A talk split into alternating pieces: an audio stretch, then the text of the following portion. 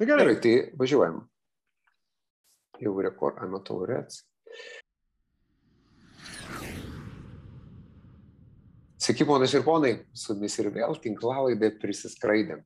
Ir taip, taip, šiandien jau septintasis alfa epizodas, o tai reiškia, kad jau 36 epizodai nugulė archyvus, jūsų širdis, ausis, kompiuterius ir visur kur, ir aišku, virtualią.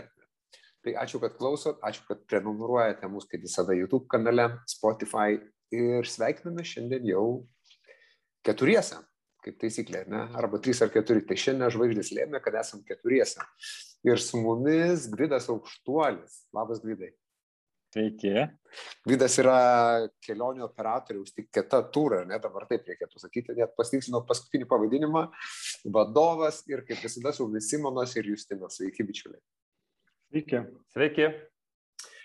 Tai pakalbėkim tokia visai nenobodžia tema, kuri, kuri gal ir antraštė kokia galėtų skambėti panašiai, bet naujienų visada šitam, kaip pasakom, fronte yra daug, ar ne? Ir, ir, ir dalykai keičiasi, kaž, įpročiai keičiasi, elgesys keičiasi, žaidėjai keičiasi galbūt ar ne. Tai pabandykim, Gvidai, apie tai šiandien pakalbėti visi kartu, kuo gyvena kelionių operatoriai, kodėl jie ir panašiai. Tai porą žodžių pačiam gal, ar ne, kaip čia, kaip, kaip gyvenimas. Nu, kaip, kaip povandeniniam laive, sako, nuotaika puikiai einam į dugną. skamba, skamba visai įdomiai, aš manau, kad čia dabar mūsų klausytojų iškart skaičiai visi pakils ir prenumeratorių.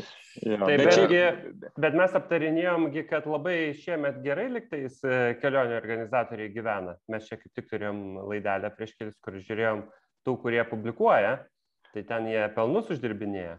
Tai Taip, tai, gerai. Tai, tai jeigu, jeigu, kaip pasakyti, čia aš iš kitos industrijos tą girdėjau apie, apie popiežių, kad ten tam, ta, tam tikras brandas e, yra kaip Romos popiežius, tai Baltijos šalyse mes irgi, taip, kaip pasakyti, be pavydo sakom, kad Novatūras yra kaip Romos popiežius, tai jis yra mum visapusė kelrodė žvaigždė ir siekimybė ir čia, kaip pasakyti, nei pridėsi, netimsi. Tai ir mes kaip Novatūro rezultatų laukiam kaip atlaidų kad galim pasižiūrėti, kaip, kaip iš to yra. Tai e, bendrai paėmus, na, svarbiausia tai yra tai, kad apskritai viskas pradėjo toliau suktis, e, pradėjo atskrydžiai vykti ir jeigu palyginsim tai, kas buvo metų pradžioj, ir, ir ypač tą epizodą, kuris buvo ypač mūsų rinkai aktualus, e, berots kovo 10 diena, kada paskelbė testavimą, Tai mums tada tas labai pasijautė, nes e, iki tol buvo toks, sakykime taip, didelis optimizmas, visi laukia, kad čia galės pradės skraidyti, čia prasidės tos masinio turizmo kryptis. E, Egiptas, Turkija ir kada paskelbė, kad reikia testuotis išvykstant, tai gal paprasčiau, testuotis grįžtant, kas yra, aišku, baisiau. Tai e, tokie, sakykime, dideli pagal turistų skaičių mėnesiai balandis ir gegužėje buvo, na, ženklus kritimas, pagal turistų skaičių ir tas labai pasijautė. Ir, e, bet paskui, e, vadinkim, tas susispaudusios piruoklės efektas, ypač birželį ir paskui vasaros mėnesiais, tai tom pakučiom populiariausiam kryptim kaip Turkija ir Graikija, tai tie skaičiai ką rodo, kad mes iš principo grįžom į tuos 2019 metus pagal turistų skaičių, bet aišku tik keliom kryptim. Ir jeigu mes tai pasižiūrėjom pagal e, Kretą, tai kadangi mes tų skaičių oficialių neturim, nes čia oro uostas nusprendė jų taip labai nerodyti, mums juos reikia patiems skaičiuotis, bet mes manome, kad šiais metais Kreta bus visų laikų rekordas e, nuvykusių turistų į Kretą. Ten bus virš 35 tūkstančių. Visom kitom kryptim, aišku, to nebus, bet bendrai paėmus mes prognozuojam, kad iki metų galo pas mus rinkoje bus rinka lyginant su 2019 bus pusė to, kas buvo 2019. Tai bet kokiu atveju nuo, nuo tų skaičių, kurie, kurie buvo 2020, tai jau vis tiek yra a, tikrai pakankamai nemažai.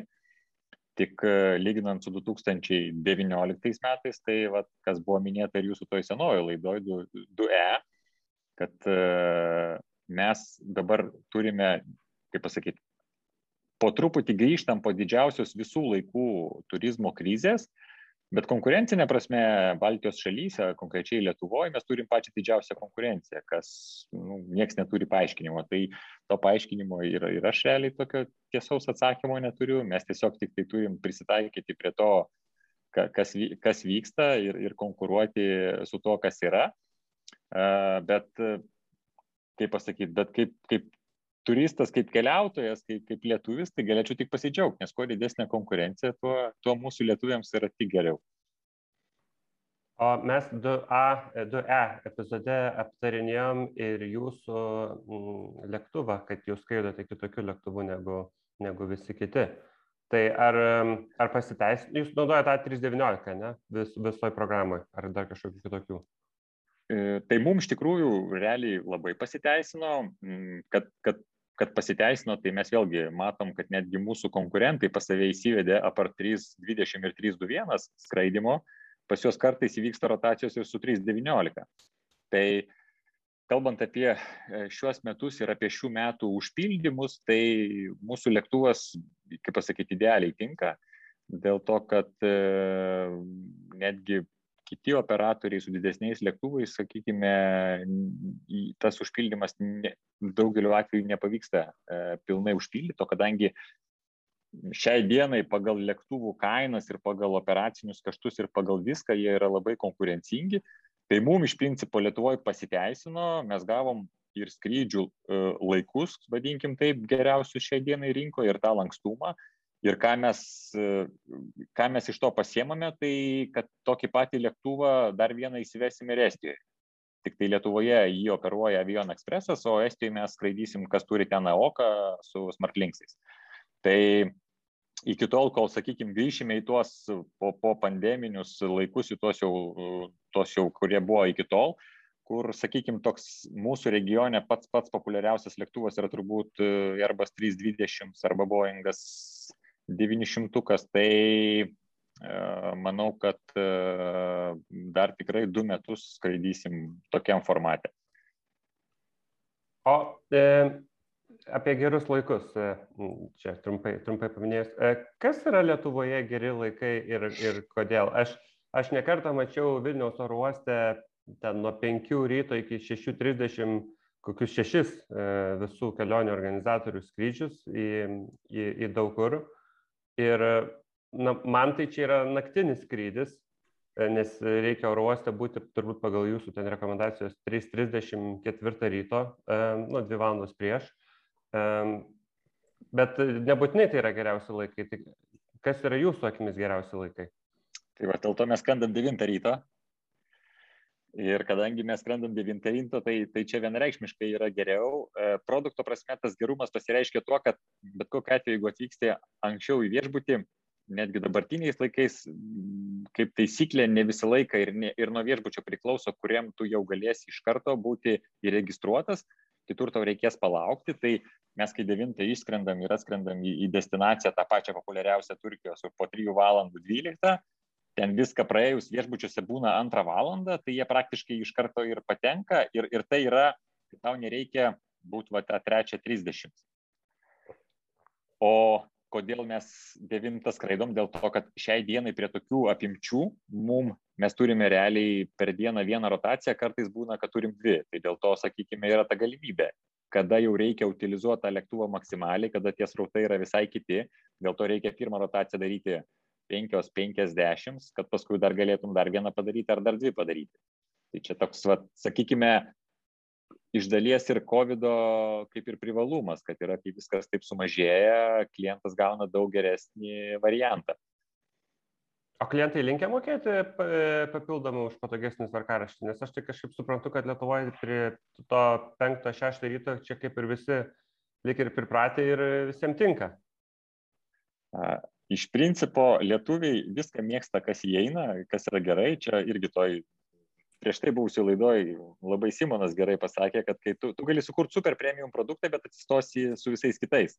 Tai dėl to tu visą laiką balansuoji tarp, tarp, tarp to, kad tu išsiskirtum kažkuo, turėtum kažką tai geriau negu kiti ir, ir kad tai nebūtų taip, kad tai yra antiek brangu, kad tiesiog tavęs nesirenka, o vardant geresnės kainos pasirinks kažką tai kitą. Tai šitoj vietoj vat mes, ir, mes kaip pasakyti, ir stengiamės sujungti tai, ką turime nuo, nuo to, kad esame Avia Solution Group dalis aviacijos prasme, kas yra na, pakankamai didelė uh, turistinio paketo sąnaudų dalis, kad būti maksimum konkurencingi e, ir kad turistui pasiūlyti maksimum, ką galime iš savo pusės, bet e, kalbant apie, apie rinką ir būtent apie šituos e, paketus, tai premium segmentas sudaro, jeigu imti visą visą rinką, ne tik mūsų kelionius, bet ir kitų organizatorių, tai nu, iki 15 procentų, kas yra jau tikras, tikras premium arba net gal, sakykime, luxury. Visa kita yra toks, na, eh, už palangą gal 2-3 kartus geresnis, bet, bet tai yra toks einamas produktas. Gal mes bandykim pagalvoti dabar šiek tiek grįžti atgal ir, kaip sako, back to basics, ar ne? Ir, ir ypatingai prieš pandemiją, jeigu palyginti ir po pandemijos, grįžtant prie to prinio klausimo, vat, mūsų klausytam, kas galbūt neklausė, galbūt uh, antrojo eko epizodo, tai kodėl žmonės renkasi kelionę su kelionių operatorium, pavyzdžiui, ir palyginti, lyginant su, su sakykim, pačių organizuojamų kelionėm, ar ne, arba kitais dar variantais rinkoje. Tai vidai, kaip pačiam atrodo? Pandemija, ne pandemija, kiek ta, tam turi įtakos, bet kodėl visgi? Iš principo reikia pasižiūrėti, kas yra Lietuvoje populiariausia, nes tiek Lietuvoje, tiek Latvijoje, tiek Estijoje iš principo yra tos pačios kryptis su tam tikrais, sakykime, nukrypimais, bet iš principo tai Lietuvoje, kad įsivaizduot, nežinau, nu, Simonas tos skaičius labai gerai žino, bet Lietuvoje, jeigu 2019 metais buvo 364 tūkstančiai turistų, kurie vyko būtent e, čarteriais, iš jų 140 tūkstančių buvo, kurie, 144 tūkstančiai, kurie vyko į Turkiją. Tai yra beveik, nu, pusė nebus, bet, bet sakykime, netoli to. Tai yra pirma destinacija ir tada buvo, dabar neatsimenu tiksliai, apie 60 gal tūkstančių buvo Egiptas, tada buvo Graikijos Kreta yra trečia kryptis, ten buvo apie 30 28. Ir visos kitos kryptis ten jau jo sudarė, jų buvo daug, bet jo sudarė po labai mažą kiekį.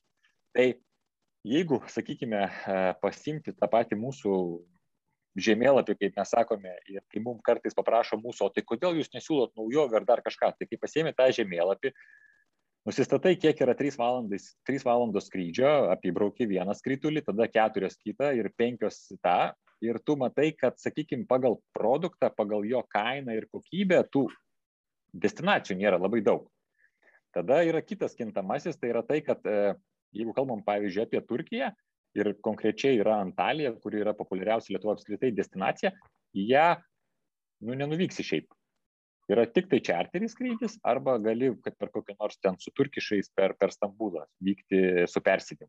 Ir kadangi arba pavyzdžiui jeigu kita antra pagal populiarumą kryptis yra egiptas ten išvis ta prasme kai žiūri reguliarius skrydžius ten nu kaina jinai apskritai yra nu tu gali visur kitur nuskristi visur kitur bet per kairą skristi į ten kokį nors hurgadą nu ta kaina jinai yra labai didelė tai taip taip natūraliai gaunasi kad uh, realiai į šitas pačias pačias populiariausias kryptis ne čarterinės, sakykime, produktas, jisai jis visiškai nekonkurencingas. Ta prasme, tu gali uh, būna, sakykime, tam tikrų išimčių, pavyzdžiui, tie patys kelionių organizatoriai tam tikrą datą pasiūlo tam tikrą akcijinį biletą, kur vat paėmė tą akcijinį biletą, paėmė bookingo kažkokį tai viešbutį, ypač jeigu tu nori būti ne tam viešbutė, kuris yra, sakykime, su didelė teritorija, kažkur tai atokiau, o nori gyventi mieste, su veiksmu ir taip toliau.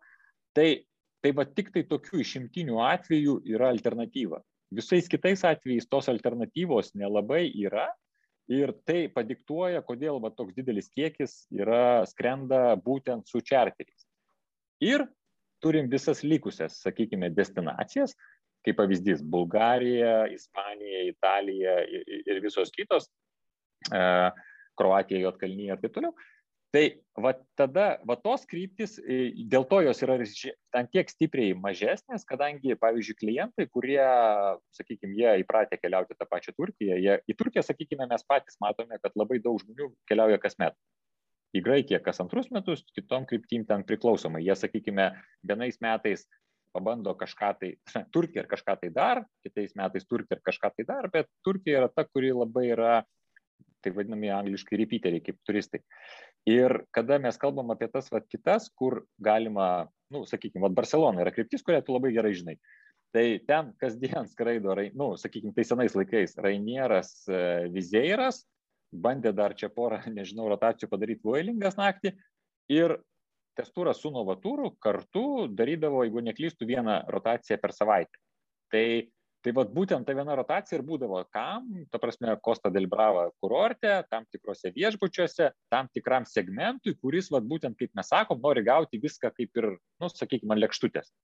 Bet, tai, bet procentaliai, jeigu įsivaizduot, kiek skrenda skrydžių į Barceloną, tai yra visiškai, nu, ta prasme, nepalyginami dalykai. Tada kita kryptis, kaip pavyzdys, irgi labai tokia yra gera, ta pati, pavyzdžiui, Tenerife. Tai ten yra toks segmentas, kur pake, nu, vat, su kuo netgi bendrauji. Ta, tas paketinis pasiūlymas yra labai mažam žmonių kiekiui. Jie į tą žiūri kaip į destinaciją, kaip į vietą, kur nuskrisi ilgesniam laikui. Ir kelionių organizatoriai, pavyzdžiui, istoriškai tenai nuveža labai ribotą kiekį turistų. Nu, ta prasme, visą laiką praktiškai, jeigu pasiemi statistiką, žiūrėt, kai anksčiau ruostas jie rodydavo 5000 turistų per sezoną. Nei daugiau, nei mažiau. Ten 4000 su pusė 5000. Tai ir kodėl taip gaudavosi? Ten labai paprastai būdavo. Iš kainodaros tik tai kainos pakyla, automatiškai atsiranda visos alternatyvos. Gali skristi per Milaną, per Londoną, per tą pačią Ispaniją, visi, viskas tinka. Kaina nukrenta, viskas labai tinka. Ir, ir tu perki biletą, skrendi ir vėlgi tu skrendi, o vad kur gyveni, ten jau vėlgi yra atskirai. Yra, žinai, Facebook'o grupės, gyvenimas Tenerifeje, viskas Tenerifeje ir visa kita. Ir ten kelionių organizatoriaus, sakykime, poreikis yra, nu, toks vadinkime, nu, super minimalus. Bet Tada mes įmam, pavyzdžiui, va, šituos po pandeminius metus ir tokia gavosi situacija, kad e, šiemet į Tenerife alternatyvų buvo, nu, va, tas, sakykime, pavasarinis tas periodas, tų alternatyvų buvo kažkiek nesuper daug, norinčių skristi buvo iš tikrųjų daug. Ir šiemet e, organizatoriai, sakykime, va, su tais biletais, va, šitą pirmą ketvirtį nuvežė daug. Teoriškai galvotum, kad, nu, va, e, pripratino klientus, dabar klientai viską pirks, ten sakykime, va čia yra, čia yra, ta prasme, dabar yra ta nauja destinacija, kur jie vyks ir viskas bus. Ir tas dalykas baigėsi, dabar vėl viską mes pradedam nuo naujo lapo. Ir vėl viskas iš naujo ir aš nemanau, kad kažkas iš principo labai pasikeistų. O dabar, kadangi apie kryptis pradėjome šnekėti, va pačiai pradžioj sakė, ne, kad šiais metais Kreta ar ne, vos ne rekordas greičiausiai bus, e, Turkija ten mažiau šiek tiek, bet kaip bendrai paėmus ar ne bendras skaičius vis tiek dar kažkur dvigubai bus mažiau turistų negu 19 metais. Mm. Tai kas čia nutiko, ta prasme, kažkurios kitos kryptis taip ir negryžo, ar, ar, ar, ar, ar iš ko tas labiausiai, nes atrodo, kad į Turkiją tų skrydžių taip, e, nu, vos ne panašiai kaip 19 metais, tai turbūt nebus panašiai, bet ten bus turbūt, nežinau, ketvirtadalių, trečdalių mažiau, bet, e, bet ar čia dėl to, kad nebėra tų visų tokių, nežinau, įdomesnių, kurios ten būdavo, kaip minėjai, Barcelona, ten būdavo vienas skrydis, Mallorca būdavo ten vienas skrydis, man atrodo, dar ten kažkokių krypčių būdavo. Tai čia iš principo bus. Čia iš principo bus kaip ir du dalykai. E, vienas yra, kad e, lėktuvų užpildymai dabar nėra tokie, Ir jeigu seniau, pavyzdžiui, kelionių organizatorius, kai vertini, tai būna nu, sakykime, visą laiką kelionių organizatoriai vykdydavo veiklą su 97, 95, čia yra mažiausias turbūt procentas užpildymų. O kitas dalykas yra, kad vėlgi vien balandis gegužė, kur uh, turistų prasme uh, į Turkiją, ge, nesakykim taip, lietuviai, va, čia kaip ir kažkada tai, galvoju, turbūt to laidoje neminėjai, bet ar, ar savo blogį minėjai, kad lietuviai mėgsta labai keliauti tuose vadinamuose šolderiuose. Tai yra, kad e, didysis yra srautas balandį, gegužę ir rugsėjį, spalį. Ir per high seasoną, kada kainos yra aukštos, e, skraidančių yra sumažėję, nors visa, pavyzdžiui, vakarų Europą tuo metu atostogauja. Tai ta prasme mes, pavyzdžiui, kaip Baltijos šalis, dėl to ir esam labai įdomus tiek viešbučiam, tiek apskritai kaip, kaip kelionių organizatoriai, būtent dėl to savo specifikos, kad mes esame tie, kurie vykstam vat, būtent tose, vadinkime, sezono, kaip čia, pakraščiuose. Ir, o kalbant apie turi, turistų skaičius, tai mes, mes spėjom, kad Turkija bus turbūt 70 tūkstančių maksimum. Tai 70 tūkstančių, kad įsivaizduot turistų skaičių, tai čia yra, čia mes grįšim maždaug į 2017 metus nes pas mus 2016 metais, kai Turkijoje buvo ta, vadinkim, valstybės perversmo krizė, tai Lietuva ir dabar neatsimenu dar vieną valstybę, buvo dvi šalis, kurios atvežė turistų daugiau negu metais prieš tai. Tai, tai sakykime, tai, o kodėl taip įvyko? Dėl to, kad kainos buvo 2016 metais tokios geros, kad nu, mes jau jas tik prisimenam. Taip. Bet kalbant apie kryptis, dažnai Justinas yra Graikijos fanas, tai tęsk mintį gal apie Graikiją. E, o kiek, nu, aš gal norėjau pa, pa, paklausti dėl, kiek jūsų planavime, nu, iš tikrųjų čia Graikija, gal ne Graikija, m, bet kiek jūsų planavime lemia tai, kai jūs, jeigu žinote, kad e, skrenda Ryanair, Wizard, iš esmės jie daro tą, tą patį da, dalį darbo, kurį ir jūs darote, na, siūlo lėktuvo kėdės, kiek, kiek tai apriboja, kad, okei, okay, čia jums yra, nu, tarkim, pavyzdžiui, nekonkurencinga, ar čia jums yra konkurencinga, Aš žinau, kad, pavyzdžiui, šiemet Novaturas tai skraidė visiškai tokiu pat realiai produktu kaip, kaip šitie Novaturas kaip Rainer ir Wizard. Tai sakykim taip, iš principo čia yra, e, aš taip sakyčiau, yra du dalykai.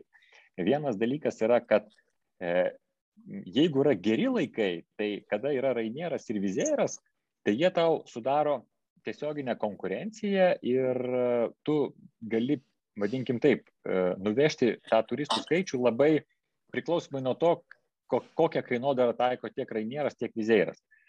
E, tai čia yra, kai yra geri laikai. Kai yra blogi laikai, tada tu žiūri, sakykime, kaip pavyzdys tas pats Kipras tai Larnaka. Tai pavyzdžiui, tas turas ir skraidina su vizeiru ir turi vizeiro tvarkaraštį, ima ten, sakykime, blok vietas ir rodo, kad jis turi tą destinaciją. Bet e, tai čia yra, tai čia irgi organizatorius, sakykime, elgesi pagal situaciją, kuri, kaip pasakyti, kad išlaikyti kryptį, kad tu turėtum pas save asortimente tam tikrą produktą, bet apimčių prasme ten jų praktiškai nėra. O jeigu žiūrėti iš principo, tai vėlgi E, jeigu imsim tą pačią Kretą, kuri yra, jeigu iš Graikijos žiūrint, yra pati pati, sakykime, populiariausia kaip destinacija Be, graikiška, tai joje vėlgi e, pagrindiniai kelionių organizatoriai skrenda į Heraklioną, e, Rainieras skrenda į Haniją, kitas kelionių organizatorius skrenda į Haniją ir iš principo tada jau diversifikuoja savo produktą. Nes e, vėlgi, va čia kadangi buvo tas paliestas klausimas, e, kelionių organizatorius e, tada yra savarankiškas turistas, va, koks yra skirtumas ir, ir, ir ta prasme ir tie paslaugos tiekėjai, na kaip pavyzdys, pavyzdžiui, viešbutininkai. Tai šitoje vietoje aš labai gerai atsimenu, čia berots buvo kokie 2015 gal metai, kada, ar net dar anksčiau, kada Rainieras pastatė pakankamai didelę programą į Graikiją Ir atsimenu, tada viešbutininkai buvo tokie patenkinti, kad, ta prasme, taip čia yra, taip yra gerai, nu čia yra super iš principo. Ta prasme, yra didelis rautas, bookingė tu turi asortimentą, tau nereikia dirbti su taip vadinamais tais destination management company dėl tų turistų ir tau čia viskas kaip ir, nu, super gaunas. Bet e, kas tada įvyko? Realiai Bookingas tai yra kas? Nu, tu turi rezervaciją, bet neturi garantijos. Už ją sumokės tik, kai turistas atvyks. E, e, Rainieras, jisai, kai kažkur startuoja, pardavinėja pigiai tuos bilietus, tu pasidarai, nusipirki tą bilietą, bet tau, sakykime, tai nėra didelė suma. Ir tada kas įvyksta? Tam tikra dalis turistų, paskui, pavyzdžiui, jiem planai pasikeitė, jie nebevyksta ten, jiem negaila to prarast rainiero bilieto, o tas bookingas, kuris buvo padarytas, jis nieko nekainuoja. Ir tada viešbutininkų atsiranda tokia problema. Jisai turėjo daug rezervacijų, pas jį geras buvo sezonas ir paskui pas jį viešbutį netvyko, sakykime, 30 procentų. Tai tada jam kada jau yra pats sezonas, e, gauti tos 30 procentų turistų yra gerai tik tai tuo atveju, jeigu e, rinka antiek būmina, kad jisai neparsidavė iš anksto pigiai, o gali parsiduoti brangiai. Bet jeigu tokios situacijos nėra, tai jis tiesiog negauna turistų ir, ir jam nėra iš kur jų pasimti, vat būtent dėl to, kad niekas neprisiema įsipareigojimų. Ir po va šitos situacijos viešbutininkai, sakykime, vat, vat būtent e, tie, kurie dirba su masiniu turizmu, sakykime, tai ypač tie viešbučiai, kurie turi pakankamai nemažai kambarių, e, jiem tada pasidarė taip, kad jie jau nori diversifikuotis. Jiem tada gerai ir tie kelionių organizatoriai, kurie prisiema riziką, kurie ima tos garantinius kambarius, sakykime, prisiema tą riziką ir jie dar turi dalį, kur gali pardavinėti taip, nu, sakykime, vadinkime lankščiai. Tai čia yra dar viena priežastis, kodėl netgi patys viešbutininkai nėra tokie jau kaip pasakyti, linkę viską atiduoti, nes, nu, apie bookingą jau čia nėra ką daug pasakoti, prasme, jo sąlygas visi žino ir žino, kad ilgalaikiai perspektyvoje, jeigu tik su juo dirbsi, tai nu, būsi pasmektas. O čia dabar, vat, o kodėl yra viešbučiams ar neaktualu dirbti su kelionių organizatoriais, ypatingai, nu, čia paminėjai vieną turbūt dalyką, kad jie prisima įsipareigojimus kažkokius ir tu iš principo, ar ne, jau bent jau pavasarį žinai, ar ne, kiek tenais pajamų gausi iš principo, ne, jeigu viską tenais pardavai. O yra dar kitų priežasčių, nu, kodėl, tarkim, viešbutis, nu, ar tik tai kainos, kad, kodėl dar verta jiems ar nedirbti su, su, su kelionių organizatoriais? Iš principo, kad įsivaizduoti, kaip viešbutininkai dirba su organizatoriais, ypač sakau, kai mes kalbam apie organizatorius, tai reikia įsivaizduoti, kad tai yra viešbučiai, kurie yra dideli. Dideli turi daug kambarių arba viešbučių tinklai, kurie turi daug kambarių. Tai vienas yra labai svarbus e, momentas yra tai, kad viešbutininkai diversifikuoja labai stipriai rinkas. Jie, pavyzdžiui, e, po krizių, kurias jie turėjo iki šiol, e, jie suprato, kad jeigu, sakykime, pas tave sudaro 70-80 procentų rusų turistas, Tai jeigu ta rinka užsidaro, o kaip rodo praktika, jinai užsidaro, tai tau atrasti kitas rinkas yra, nu, sakykim taip, tai yra laikų imlu ir, ir užtrunka. Ką jie padarė? Jie, jie dabar, sakykim taip, jie alokuoja, kad, sakykim, mes norim turėti maksimum ten 20 procentų iš Rusijos, 30 procentų iš Vokietijos, ten 30 ar 50 procentų iš Didžiosios Britanijos ir taip toliau. Nes, pavyzdžiui, šis sezonas, va, šių metų sezonas, tai ką parodė? Į Turkiją negryžo Britai, ir labai mažai grįžo vokiečių. Tai čia yra pagal jų apimtis 50 procentų. Ir viskas. Tai vad dėl šitos priežasties jie stengiasi labai diversifikuoti ir vad dėl šitos diversifikacijos atsiranda dar kitas momentas šitam biznyje, kad tu gali būti labai labai didelis, ta prasme, kaip kelionių organizatorius, mega didelis Britanijoje ir jeigu tu nueisi kurti organizatorių Britanijoje, tai tu vat kovosi su juo.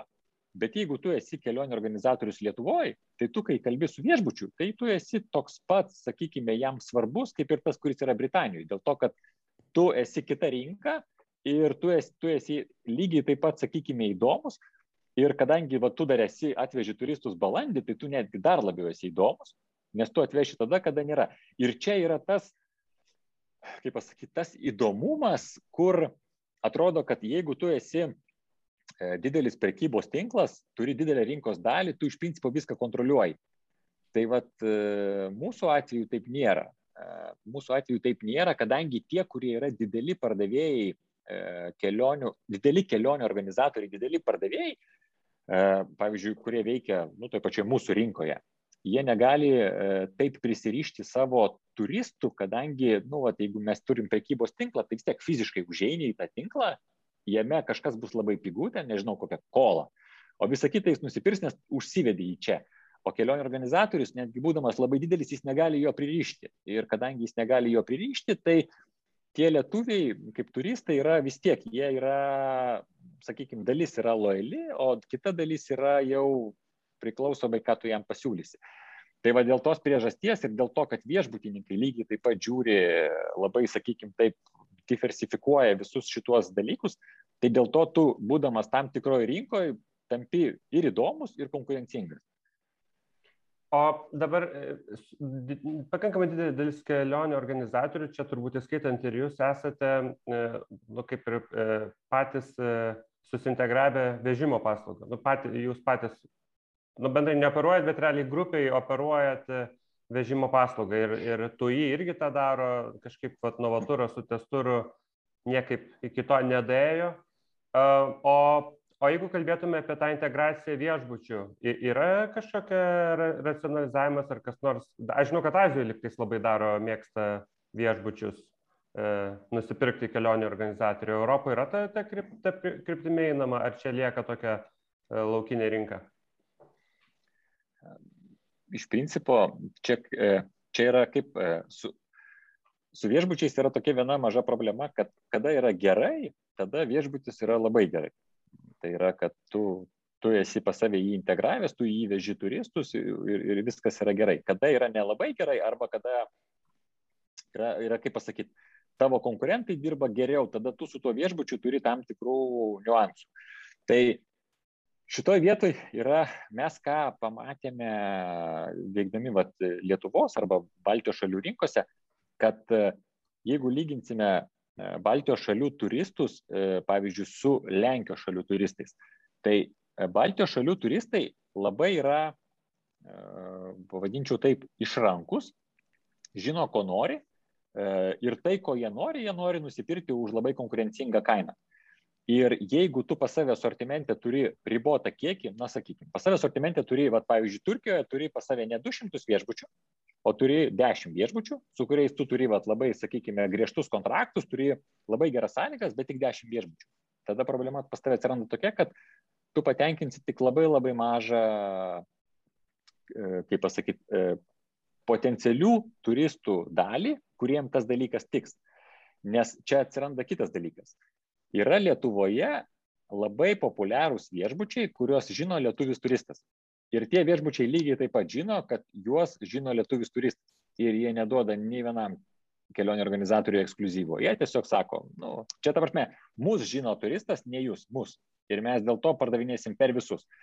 Tai čia yra vienas motyvas, netgi ne, nuskambės keistai, bet įsivaizduokit, yra turistų, kurie vyksta į tą patį viešbutį aštuntą kartą, devintą kartą mes savo viduje galvojam, o kodėl, vat, koks to žmogų gali būti motyvas ten pat važiuoti. Ir mes, kaip pasakyti, tiesiai, nu, nes mes tą turistą vežėm tik tris, tris metus iš eilės, mes per agentą nu, pasiklausim, kodėl taip yra. Ir jie sako, žinot, esmė yra kokia. Tie žmonės nori jaustis, kaip pasakyti, jie ten žino kiekvieną kampą, juos pažįsta padavėjai asmeniškai, jie kai atskrenda, jie perka patį pigiausią kambarį, o gauna, sakykime, apgraidą į patį geriausią jie ten realiai yra kaip, nu kaip pasakyti, nu, va, kaip, ne tai, kad kaip vietiniai, bet jie yra tenai iš principo išskirtiniai. Ir sako, va ta agentė, kuri pardavinėja jiems tas keliones, jie sako, žiūrėk, va už šitą jausmą, kurie jį patiria, va toj Turkijoje būdami, nu jie kitur jo negali gauti. Sako, nu va tu nuskrisk, va, į ten, nežinau, į Ispaniją, pavyzdžiui, ir pamani gautą servisą. Nu negausi jo. O va ten tu gali. Ir čia yra, sakykime, va, toks dalykas, kurio net, net sunku paaiškinti, va, kaip, kaip taip yra, bet va, ir kadangi Turkija kaip destinacija ir va, su tokiom va, pridėtiniam vertėm sukuria tokį efektą, dėl to mes ir turime tokį didelį turistų skaičių nuolat keliaujančiai į Turkiją ir dėl ko mes kaip kelionių organizatoriai va, turime, kaip pasakyti, turime pastoviai ką ten veikti. Tai šitoje vietoje, jeigu kalbant apie viešbučius kaip po tokius, tai jie, sakau, jie yra, kai yra geri laikai, gal ir gerai juos turėti, bet kadangi, nu, vat, nežinau, paskutinių dešimt metų, ką rodo turizmas ir, ir ką daro kelionių organizatoriai, tai kad jeigu tu kažką tai turi, vat, kaip, kaip savo viešbutį, tau iš tikrųjų su juo yra sunkiau konkuruoti, negu kai tu siūlai viską, ką tu gali gauti rinkoje ir kur tu gali gauti labai geras sąlygas. Dėl to, kad tu e, būsi savotiškai įsipareigojęs turistų siūsti būtent į tą viešbutį, kuris tau priklauso bet tuo metu gal prarasi galimybės, nes tavo kiti viešbučiai norės, va tuo metu, sakykime, pas juos gal bus kažkokių specialių sąlygų, nesąlygos, specialių pasiūlymų, jie gal norės tuo metu pas juos bus mažesnis užpildymas, jie norės uh, užsipildyti, pasiūlys papildomų, sakykime, kažkokių tai tau nuolaidų ar dar kažko tai ir tu negalėsi jų pasiimti, nes būsi įsipareigojęs vežti savo viešbutį. Tai va dėl šitų priežasčių tas nuosavo viešbučio turėjimas turi tam tikrų išimčių. Ir tai yra visiškai kitaip, kai tu turi savo aviakompaniją arba savo lėktuvą. Lėktuvas yra tas, vadinkime, darbinis arklys, kuris va, turi tiesiog fiziškai saugiai ir nuolat atvežti va, tos turistus į destinaciją. Tai su aviakompanija yra paprasčiau, su viešbučiu yra taip nu, stipriai sunkiau. Čia labai įdomiai palėtė į tos klientų segmentus ir paminėjai, ne, kad žmonės važiuoja aštuonis kartus į tą patį ten Turkijos viešbutį.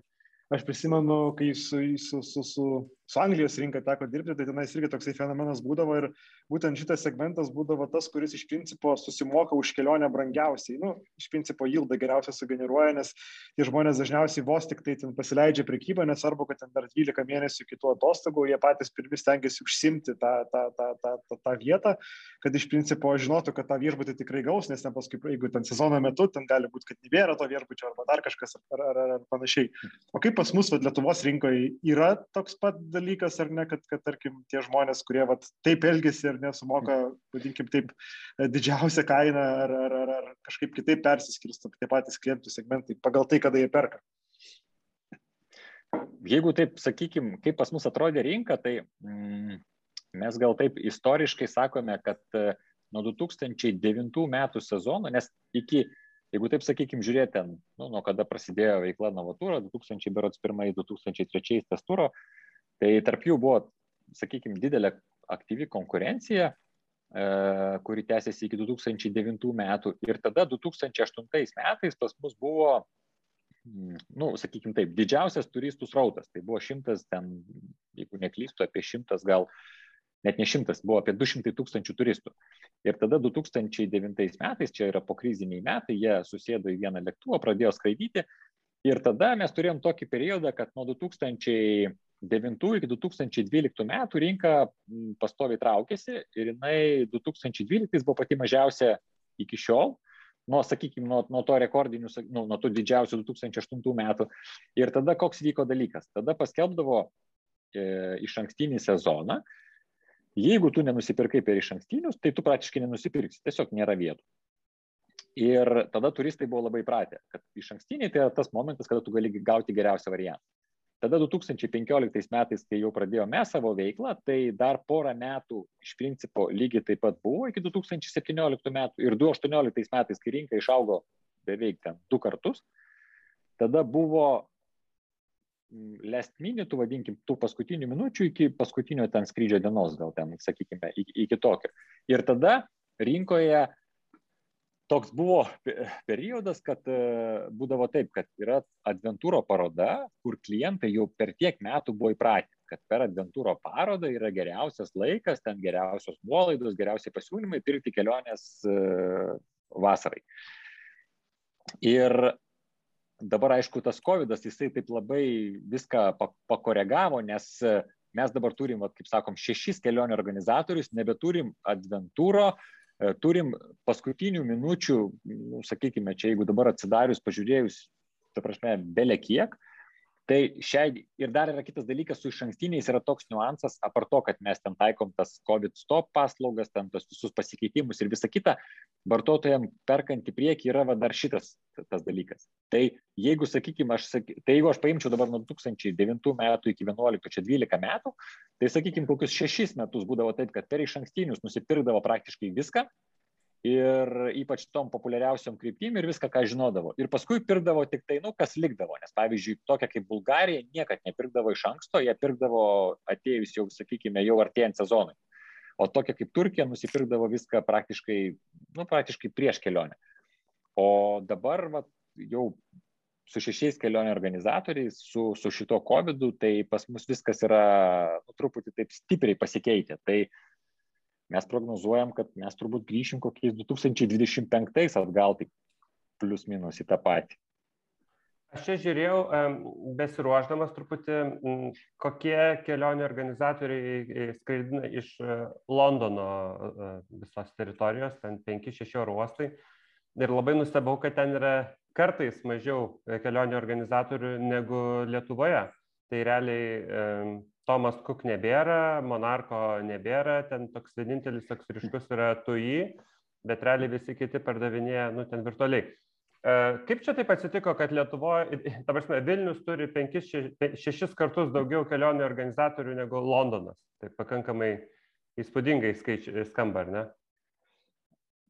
Iš principo, tai aš taip, nu taip, negaliu pasakyti šimtų procentų, e, kur čia uh, kur čia galėtų būti, bet jeigu kalbant vat, konkrečiai apie Didžiąją Britaniją, tai čia kaip, kaip su bookingu, sakykime, viešbučiuose. Yra tų rezervacinių sistemų visokių, bet realiai, kas yra antroje vietoje po bookingo, nieks turbūt nepasakys. Tai su kelionių organizatoriais didelėse rinkose yra iš principo tas pats, kad e, didelis organizatorius, jis realiai per mastą įgyja tokį pranašumą, kad kiekvienas kitas, kuris turi, nu, sakykime, nu, nedidelę, vadinkim, programą ar dar kažką, tai jis tiesiog, jis, jis tiesiog, nu kaip čia paskesta tame taip stipriai, kad tu neturi net, net, nu, net, tu tiesiog net nesimatai, net nesigirdi, net, net tavęs absoliučiai nėra. Tai čia galbūt galėtų būti viena iš priežasčių, o mūsų Baltijos šalis kaip po tokios ir tas mūsų Baltijos šalių, kaip čia, patrauklumas ar, ar tas, e, realiai šiai dienai tokios vienos versijos, e, kodėl taip yra, tai kol kas niekas neturi ir, ir, ir kodėl taip yra, niekas nežino. Ka, kas čia yra tokio, kaip čia, patrauklaus, nes vėlgi, kalbant apie, apie mūsų va, turistų skaičius, tai vėlgi, kaip aš sakiau, 2019 metai pas mus yra didžiausia rinka, tai yra 364 tūkstančiai nuo mūsų gyventojų skaičiaus, tai yra sudaro 13 procentų keliaujančių čarteriais. Jeigu mes paimsime Estiją, ten keliavo 185 tūkstančiai ir yra 14 procentų nuo jų gyventojų skaičiaus. Ir Latvijoje 2019 metais keliavo 158 tūkstančiai ir 8,2 procentai nuo jų visų gyventojų skaičiaus. Tai jeigu žiūrėt va, šitą procentaliai, čia yra toks vienas skaičius, kuris ne visai atitinka, sakykime, tas e, analizės statistikas, kadangi kai kitos rinkos e, tą skaičių duoda, jie jas sudeda kartu su reguliariais skrydžiais, kur tu gali, sakykime, pasidaryti ten, pavyzdžiui, paketą minimum 3 naktis ir va kiek tai sudaro visame keliautojų skaičiuje, tai koks yra va, tas va, rinkos įsotinimas kaip po toks, nes jeigu vien tik tai čarterinės, jos tokios kaip ir neskaičiuoja. Tai šitoj vietoj mes, pavyzdžiui, viduje matydami, kaip yra su paklausa pasiūla, mes viduje sakome, kad Lietuvoje daugiau negu 400 tūkstančių užsakomaisiais skrydžiais yra turbūt riba, e, ką, ką, ką galima pasiekti. Ir žiūrėdami į tą skaičių ir matydami rinkos dalis pas organizatorius, matom, kad, nu, ta prasme, kad visi va taip turėtų vietos pasaulyje, nes vis tiek turistų skaičius yra ribotas, tai jis, jis jo negali tiesiog, tiesiog padaryti, kad, kad, kad tas gautųsi. Tai aš manau, ta konkurencija arba jinai tokia išliks, arba tiesiog, tiesiog jinai pasikeis, nes vėlgi yra pavyzdžių rinkoje kokių. Buvo, va, tūjį tas vadinkime, tas vokiškas Italijoje, ir išėjo, nu, sakykime, atsibodo jam turbūt. Buvo tų į e, Vengrijoje, pabuvo 2,5 berot sezono ir paskui pasakė, kad žiūrėkit, vengram, šalia yra viena, pervažiuojat per sieną 150 km, skraidykit iš vienos ir, ir, ir nebus. Tai, kad taip būtų viskas su tais kelionių organizatoriais, kad įkalta kaip akmenį, tai aš nemanau. Manau, kad ten yra irgi, sakykime, ta, tam tikri galimi pasikeitimai. Tai šitoj vietoje aš manau, kad e, prie, prie tokios, sakykime, situacijos amžinai tas nebus, bet kažkurį laiką bus. Čia dabar vat, sujungiant turbūt dvi temas, apie kurias šiandien vat, pakalbėjom, jūs nes paminėjo, ne, kad UK ten galima sunku netgi atrasti kažkokių tai kitų operatorių, apartinais vieno kito antro didžiojo, bet kiek, kiek ten aš žinau, ten man atrodo, kad ten užtat vat, yra tokių labai daug mažų, kurie tokie nišiniai operatoriai, kur ten gali būti operatorius, kuris ten labai turi specializaciją siaurą, kad ten koks nors operatorius, kuris ten, pavyzdžiui, veža vien tik tai premium keliones į Graikijos salas na, ir daugiau nieko kito nedaro, žiemą ten iš viso sėdi.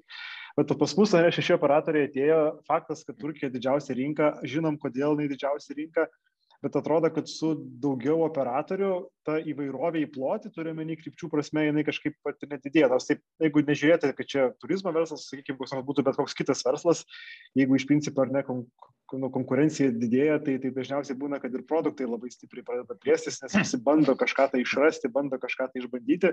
Pas mus atrodo, ta kryptim nenuėjo. Ne? Čia visi taip turbūt pirmiausia pasistato Turkiją, paskui galbūt ten vat, kažką bando dar pridėti, pridėti, pridėti, pridėti šalia. Kaip tau atrodo, vat, kodėl, kodėl, kodėl kažkokių tai eksperimentų nėra, ne, iš ten ypatingai mažesnių operatorių? Nu, vėlgi, sakykime, čia mes turim tokį gerą, gerą tokį dalyką, kad mes turėjom Lietuvoje pirmą kartą plačią fiuzeliažį skrydį į Madagaskarą. Kaip pasakyti, taikos metais, kaip mes tarpusavį taip viduje kalbam, nu jis sunkiai įvyktų, bet vat, jis įvyko ir, ir tie, kas jo pasinaudojo, ta prasme, mes esame istorijos dalyviai. Dabar mes turėsime tokį patį dalyką į Dominiką. Tai vėlgi iš Lietuvos, tai yra, nu, tai aš sakau, kad tai yra, wow, nu, šiaip, sakykime, kai kai vėlgi vat, pats, pats dirba ir aviakompanijai, puikiai žinai visus skaičius, kurie yra, yra slepiasi po tuo, tai, tai čia yra tikrai wow. Tai aš manau, kad uh, tikrai mes turim iš, iš šešių organizatorių vieną, kuris tikrai daro būtent taip, kuris tikrai daro būtent taip, uh, kad, kad daro tikrai kitaip ne, negu kiti likę. E, tik tai aš manau, va čia yra Lietuvos ta tokia problema, kad tas rinkos konservatyvumas, jisai labai didelis yra, o veiklos e, pradžia yra labai brangi. Bet apa, nepaisant to, mes vis tiek turim gerų pavyzdžių. Galiu pasakyti taip, šio sezono mega hitas yra Madeira. Šio sezono tikrai mega hitas, bet vėlgi, kai tu ten skrendi, darai vieną reisą, jis yra mega hitas. Kai tu padarai jau du, nu jie patys sako, nu, tada jau nesigauna. Tai, tai vėlgi, kalbant apie, apie ją kaip po tokią, ar tai gali būti kryptis, kur kasmet skris, grįž ir, sakykime, atostogaus tam viešbutį, kuriam mėgdavo atostogauti Winstonas Čerčilis, nu, va, irgi aš labai abejoju. Bet taip yra. Manau, kad šios vasaros tas pats hitas yra ta pati Jotkalnyje. Nu, daugiau, mažiau ar, ar, kažkaip. Tai buvo tas pats bandymas su ta pačia Albanija. E, tai Tai čia tas dalykas yra, bet, bet vėlgi, pavyzdžiui, mes, kalbant apie tas pačias destinacijas, atrodo, kad kartais viduje, kad mes kaip irgi sakom, nu, vat, ir mums kelionio agentai, ir, ir, ir klientai sako, nu, tai va kažką, bet mes galvom, nu, juk žemėlapį iš principo žino visi, ten, ten tikrai jis nėra paslėptas, tos visas kryptis žino, tas destinacijas, viską žino. Bet tiesiog, ir pavyzdžiui, kada tu pradedi apie kažką tai galvoti, paskui prisimeni, taigi kažkas tai jau darė aha, darė, o tada darė jo ir kaip, nu, nu taip. Ir va, va, tie visi dalykai, jie susideda į vieną ir dėl to, e, tai aš galbūt pasakyčiau, kad turbūt tas konservatyvumas vienas dalykas ir antras dalykas, e, čia tas angliškas žodis value for money, bet lietuviškai turbūt tas vertės, ar, ar, ar kaip čia toks būtų toks pažodinis vertimas, kad tai, ką sukuria E, ta pati Turkija arba žiemą, kas sukūrė Egiptas, nes e, Egiptas kaip po toks e, yra vėlgi, yra iš tikrųjų vasaros destinacija, bet Lietuvoje jinai yra žiemos destinacija. Tai o kodėl žiemos? Dėl to, kad nu, ten saliginai dar, dar šilta pagal tai, kiek ten kainuoja. Tai va čia yra tas, ta pagrindinė priežastis, kodėl uh, labai sunkiai atsiranda tos kitos kryptis. Ir kitas dalykas, kad uh, kai, e, ką mes dar, va, pavyzdžiui, pastebime, tai yra tai, kad jeigu tu turi kažkokią kryptį, kur tu gali skraidyti, nu, sakykime, keturis, penkis kartus per savaitę, gaunasi produktas, kuris yra, na, labai toks, kaip čia, patogus ir, ir, ir žmogus gali daug variantų rinktis. Kada yra rinkoje, sakykime, paklausa tam tikrai krypčiai yra tokia ribota, tu darai ten, nežinau, vieną kartą per savaitę skrydį arba du ir viskas. Ir ta prasme, ir gaunasi taip, kad datos tada, tada nelabai klientui tinka, nelabai ten kažką gali padaryti ir viskas. Ir, ir tu negali daryti. Ir tada va, dėl tos priežasties tas, taip sakykime, sunkiai gaunasi. Ir aš, kai skaičiu, sakiau skaičius apie čarterius, tai va Latvija, kuri turi Air Baltica, mums čia yra, vadinkim, vienas iš atsakymų, kai yra vietinis, sakykime, nu, nacionalinis vežėjas, kurio neturi Lietuva ir Estija, su savo, sakykime, nu, nežinau, bandymais ar kažkokiam kryptim ar dar kažkuo, tai galbūt čia yra dalykas, kad va čia atsiranda tos kitos kryptis, kurio, kuriomis galima kažką tai vad bandyti, siūlyti, daryti. Bet kada yra grinai čarterinė programa, kur kelionių organizatorius pilnai prisiema riziką, nu, tai va prie tokių, sakykime, e, turistų skaičių ir apskritai prie rinkos, va, kiek pas mus yra gyventojų, tai mums tiesiog nesigauna, kaip čia, nu, nesigauna tiesiog kaip, kaip pats produktas su visa kaina, su viskuo. Bet aš noriu paponuoti, labai daug egzotiškų krypčių Ryanair Wizard yra pasiūlę. Marakešai, Eilatai, Izraelija, Jordanijos Amanas, ką jie čia dar tokio yra. Ten, kur tik tais galėjo skristi. Ir ten tikrai nebuvo keleiviai, kurie skrido, na, ten, nežinau, darbiniais reikalais ar, ar ten aplankantis draugus ar giminės, ten buvo lygiai tokie pat e, turistai, kokie skrenda su kelionių organizatoriais. Tai, nu, jeigu dar tai papildant, kodėl jiems, nu, ir, ir turbūt tikėtis, kad Ryanair tikėjosi padaryti kažkokį ilgalaikį produktą iš Vilnius Amanas irgi turbūt ne, ne, negalim manyti. Tai kodėl jiems pavyksta, o ne vienam iš kelionių organizatorių nepavyksta? Ar yra kažkokia priežastis, ar, ar jų tiesiog distribucijos kanalai geresni? Bet čia, man atrodo, vieną atsakymą pats pasakėjai, kad ne viena tas kryptim nebeskraido, man atrodo, nėra, nėra zairas iš tų išvardintų. ja, bet geras klausimas. Tai iš tikrųjų Simonas kažkada yra palietęs ir apie jį pasakas, ten va, pavyzdys ta pati Jordanija e, su ta pačia Petra, kur visi nori pamatyti Indiana Jones e, tą šventyklą. Tai realiai tai yra va, ta destinacija, kur jinai yra iš savęs labai egzotiška, tik tai e, kada ten skraido vizėras, kur tu, va, nu, sakykime taip, labai viskas yra skaidru. Tu įvedėjai, pasižiūrėjai, kiek kainuoja biletai. Biletai kainuoja 500 eurų skrendu, kainuoja 150 eurų. Nu, gal, gal skrendu, gal neskrendu. Nes ten tikrai visą laiką buvo pilni lėktuvai, tik tai kaina, kurią mokėdavo turistai už, už nuskridimą, jinai buvo, sakykime, na, jinai buvo super, super konkurencinga, kuri kelionių organizatoriui nėra įkandama, jinai yra praktiškai neprieinama. Bet ką tai reiškia? Tai reiškia, kad jeigu vizėjas pastatytų, sakykime, kada jam nereikia lėktuvų, nežinau, rudenį ar, ar, ar tiesiog pastatytų į tą pačią Antaliją ir skraidytų Vilnius Antalija čarterinė programa, tai patikėkit, čia irgi būtų wow, ta prasme, čia būtų visiška bomba. Tik visi žinom, kodėl tai nevyksta. Tai, tai va čia galbūt būtų atsakymas, kodėl, e, nes tom kryptim tai tikrai pastatytų, tikrai skraidytų ir, ir, ir sakykime, ir tada tas būtų. Bet e, kada kalbam, pavyzdžiui, apie, apie tas, ką jie žiemą paleidžia, tai tomis kainomis, kuriomis skraido vizėras, kelionių organizatorius, nu, sakykime, turėdamas čarterinę programą su aviakompanija, jiem ten tą skaičius niekaip nesigauna. Aš turiu dar vieną klausimą. Aš truputį pa, padėliojau, pasižiūrėjau, čia dabar iš Vilniaus į Dubrovniką skraido Air Balticas ir jie, ir jie turi tokį puslapį, susikūrė Air Baltic Holidays e, ir su jais galima nusipirkti kelionę atostoginę į, į Dubrovniką, ten su viešbučiu, su viskuo. Ir aš kaip tyčia radau, kad galima susirasti nu, viešbutį, kurį galima ten ir per kitas sistemas susižiūrėti. Ir aš paėmiau, vakar palyginau lygiai tokiam pačiam dienom um, tris, tris, tris variantus. Vienas variantas yra pirkti iš viešbučio paketą su to pačiu Air Baltico bilietu, kitas e, kanalas yra pirkti iš Air Baltico su viešbučio paketu, o trečias yra susidėlioti, susidėlioti kelionę um, pačiam. Na nu, ir vat, labai skirtingos kainos yra Ir čia dabar suprantu, kad e, visi bando supakuoti tą, tą visą kelionę į vieną, kas tik netingi. Ar, kokį, ar čia tas projektas, e, tarkim, ir Baltiko Holidays, jisai kažkokį turi perspektyvą, ar čia tiesiog e, visi, visi šoka ir, ir niekam, niekam nepavyks nieko uždirbti iš to? Čia iš tikrųjų tai čia ta situacija, kurią galima pakomentuoti, jeigu aš neklystu, buvo pasileidę va tokį Air Baltic Holidays, tai buvo pasileidę Vizeiras savo kelionių organizatorių, jie berods du metus tą dalyką darė. Ir čia pagrindinis dalykas, kodėl, sakykime, va šitie produktai pas, kelio, pas aviakompanijas, va taip padarius būtent Europoje, jie nepasiteisino ir nevažiuoja. Aš dabar neatsimenu, ar Rainieras tą darė, bet manau, kažką tai irgi jie kažkokius buvo pasileidę tokius kaip paketus. Tai uh, problem, problema yra pagrindinė kame, kad uh, dinaminio paketavimo uh, didžiausias trūkumas, uh, nors apie dinaminį paketavimą, jeigu aš neklystu, visi kalba nuo kokių gal 2005 metų.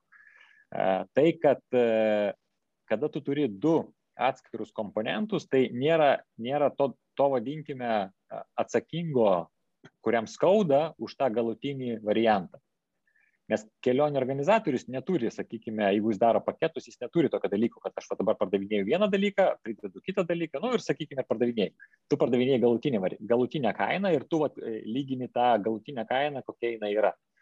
Tai vat, kadangi šito dalyko pas tos, vadinkim, dinaminius paketuotojus jo nėra, Dėl to šiai dienai e, teoriškai šitas modelis yra labai patrauklus, jis labai, mm, vadinkime, jis yra labai toks, e, kaip čia pasakyti, e, labai gundantis, tik tai kiek aš pats esu susidūręs per pastarosius, nežinau, kiek aš apie jį girdžiu 15 metų, tai jis yra labai patrauklus iš IT žmonių pusės. Ta prasme, visi, kurie susiję su IT technologijom, programeriai, visi kiti, jiem tai yra, nu, super, ta prasme, įmi kontentą, apjungi, viską padarai ir viskas. Bet kada į tai žiūri arba iš vartotojo pusės, arba iš, iš verslo pusės, sakykime taip, tai tu va, viską tą dalyką padarai, susimoki už sprendimus, už viską, bet niekas tai iš tavęs neperka.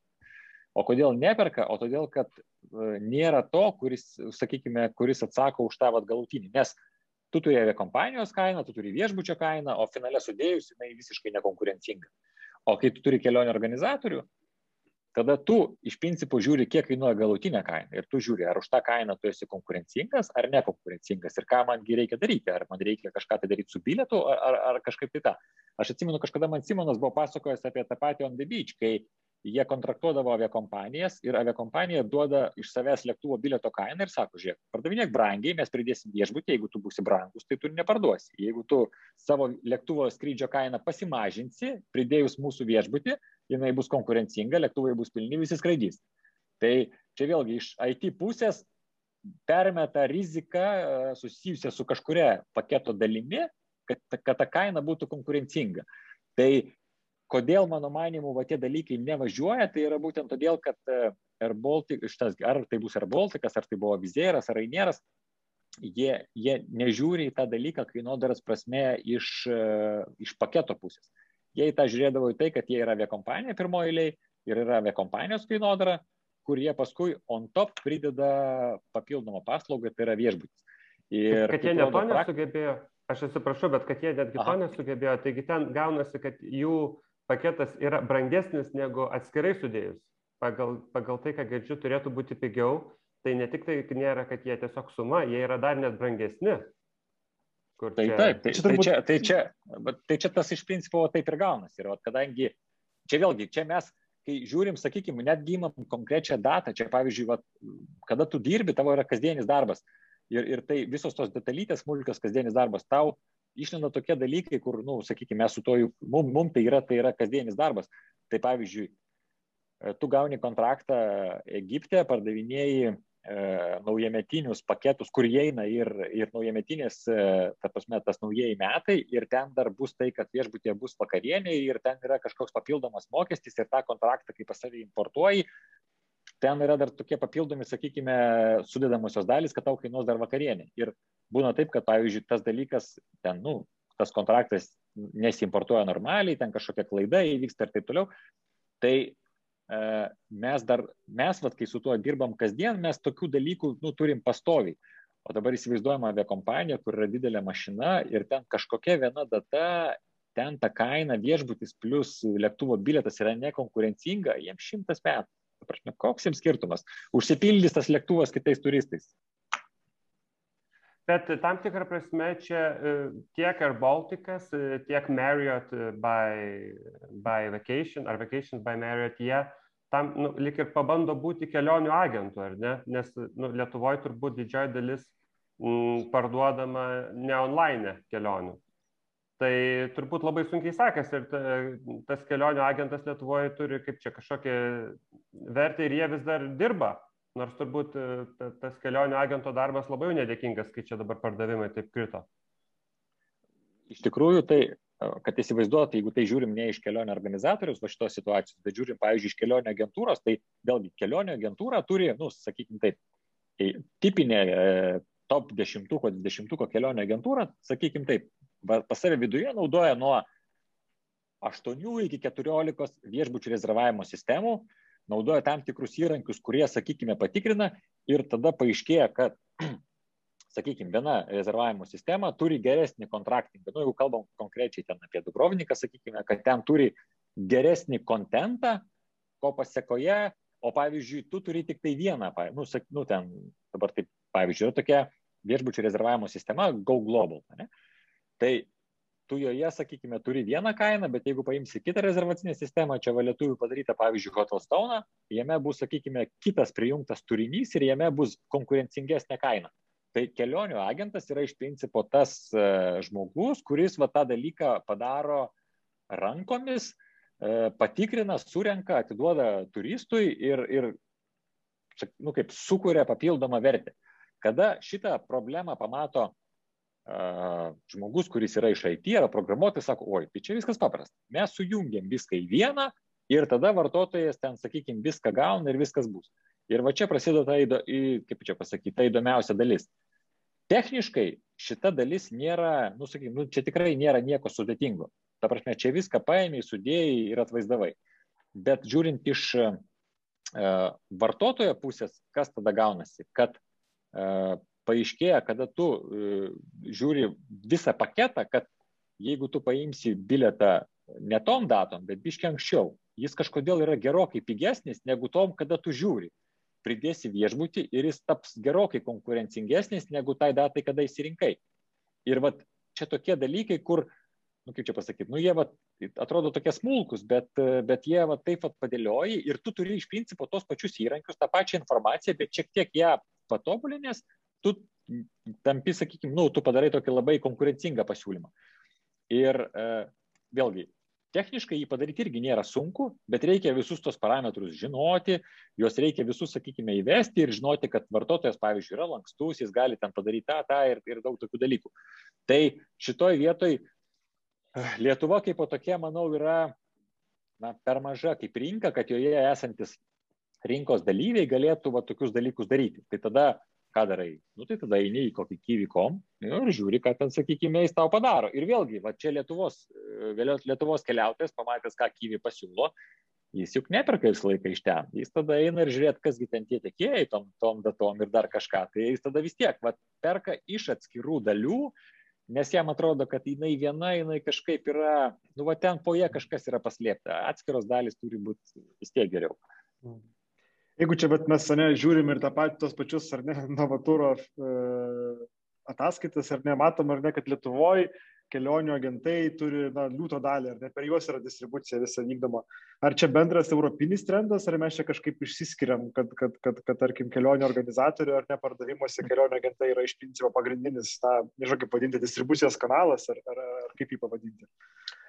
Lietuv... Baltijos šalyse vienareikšmiškai ir tai nebūtinai ar Lietuva, ar Latvija, ar Estija internetu nuperka labai labai mažai ir jeigu mes vat, žiūrėsim apskritai vartojimą interneto, pirkimą interneto, tai viskas su mūsų Lietuvo viskas yra gerai, visi perka, viskas yra ten aišku.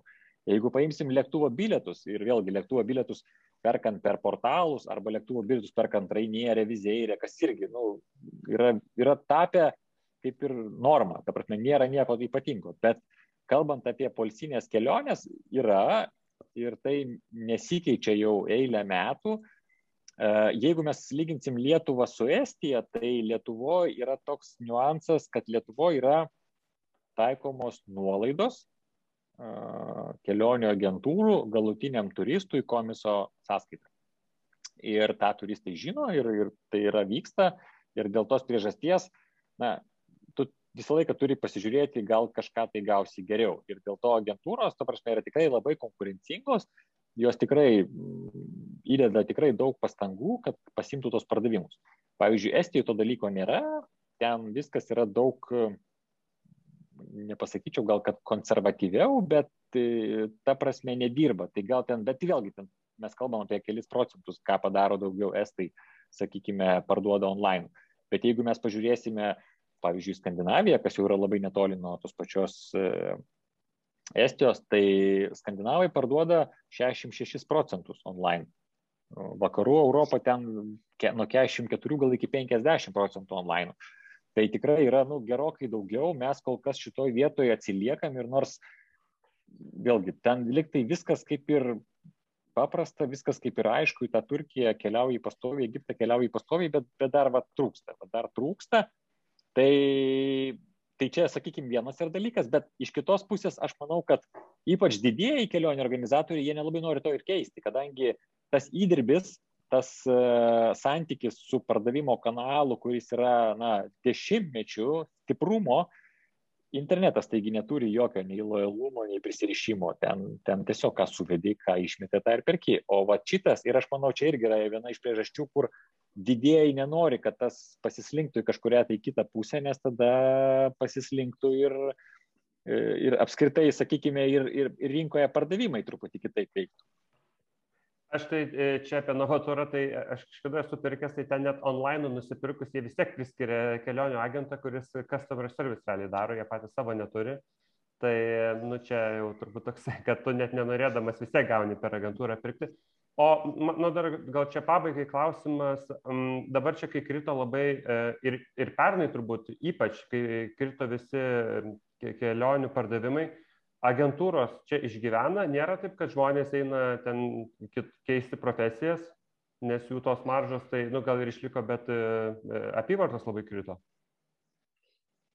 Iš tikrųjų, jeigu kalbant apie kelionių agentūras, tai jeigu mes, sakykime, vertinsim tą nuo 2020 metų kovo, kai viskas prasidėjo, tai realiai per tą laikotarpį viena agentūra bankrutavo, tai yra Megatūras, kuri dirbo prekybos centruose ir ten iš karto dingo pinigų srautas ir o, žinom, kaip prekybos centrai žiūrėjo į nuomą tai ten viskas labai greit baigėsi. O kita kelionė agentūra, kuri priklausė DFDS e, kompanijai Krantas Travel, jie tiesiog nusprendė nebevykdyti tokios agentavimo veiklos. O visos kitos agentūros, sakykime taip, sėkmingai įsilaikė, tik tai aišku, jos gerokai susimažino ir jeigu mes priskaičiuodavome apie tūkstantį, ten beveik pusantro tūkstančio kelionių agentų iki pandemijos, tai jų liko po pandemijos apie 700, e, jų liko, tai sakykime taip, tai mes turėjom tokį laikotarpį, va, bal, e, birželio mėnuo Liepa, kada buvo didelis, e, dideli pardavimai, didelis, sakykime, tas sugrįžimas to, tos visos veiklos ir buvo labai didelis optimizmas, tai labai ieškojo tų kelionių agentų. Dabar, kadangi vėl viskas grįžta į tas, sakykime, tos, tos rautus, kurie apskritai žiemą yra mažesni, tai aš galiu pasakyti taip, kad nu, praktiškai pusė kelionių agentų, jie šiai dienai yra išėję iš turizmo, nemaža dalis yra pakeitę jau profesiją, dirba kitur ir, kaip suprantu, turbūt jau ir, ir jau nebegrįž. Tai realiai nu, industrija, sakykime, nukraujavo pakankamai stipriai. Vidai, tai kas dabar toliau, artimiausias 3-6 mėnesiai, kas bus toliau su kryptimis ir kaip pas prognozuotum, na, kas laukia jūsų, jūsų biznio ir, ir panašiai, ko tikėtis mums? Tai optimistinis dalykas, į ką mes žiūrime, nes laukdami rudens mes galvojam, yra du variantai. Vienas variantas yra tas kietas užsidarimas vėl ir, ir, ir žiemą būti kietai užsidarius. Antras versija kažkas tai geriau. Tai kaip mes dabar matom, liktai tas variantas yra tas liktai šiek tiek geriau. Tai reiškia, kad labiau skatina vakcinuotis, todėl leis uh, išvykti, sugrįžti, jeigu esi vakcinavęs, tau nereikės karantinuotis. Tai čia yra tas e, iš mūsų taško žiūrint, sakykime, optimistiškesnis dalykas. Tai čia mes labai džiaugiamės, kad, kad, kad ta linkme viskas vyksta ir liktai panašu, kad mes neužsidarinėsime, o, o galėsime toliau skraidyti.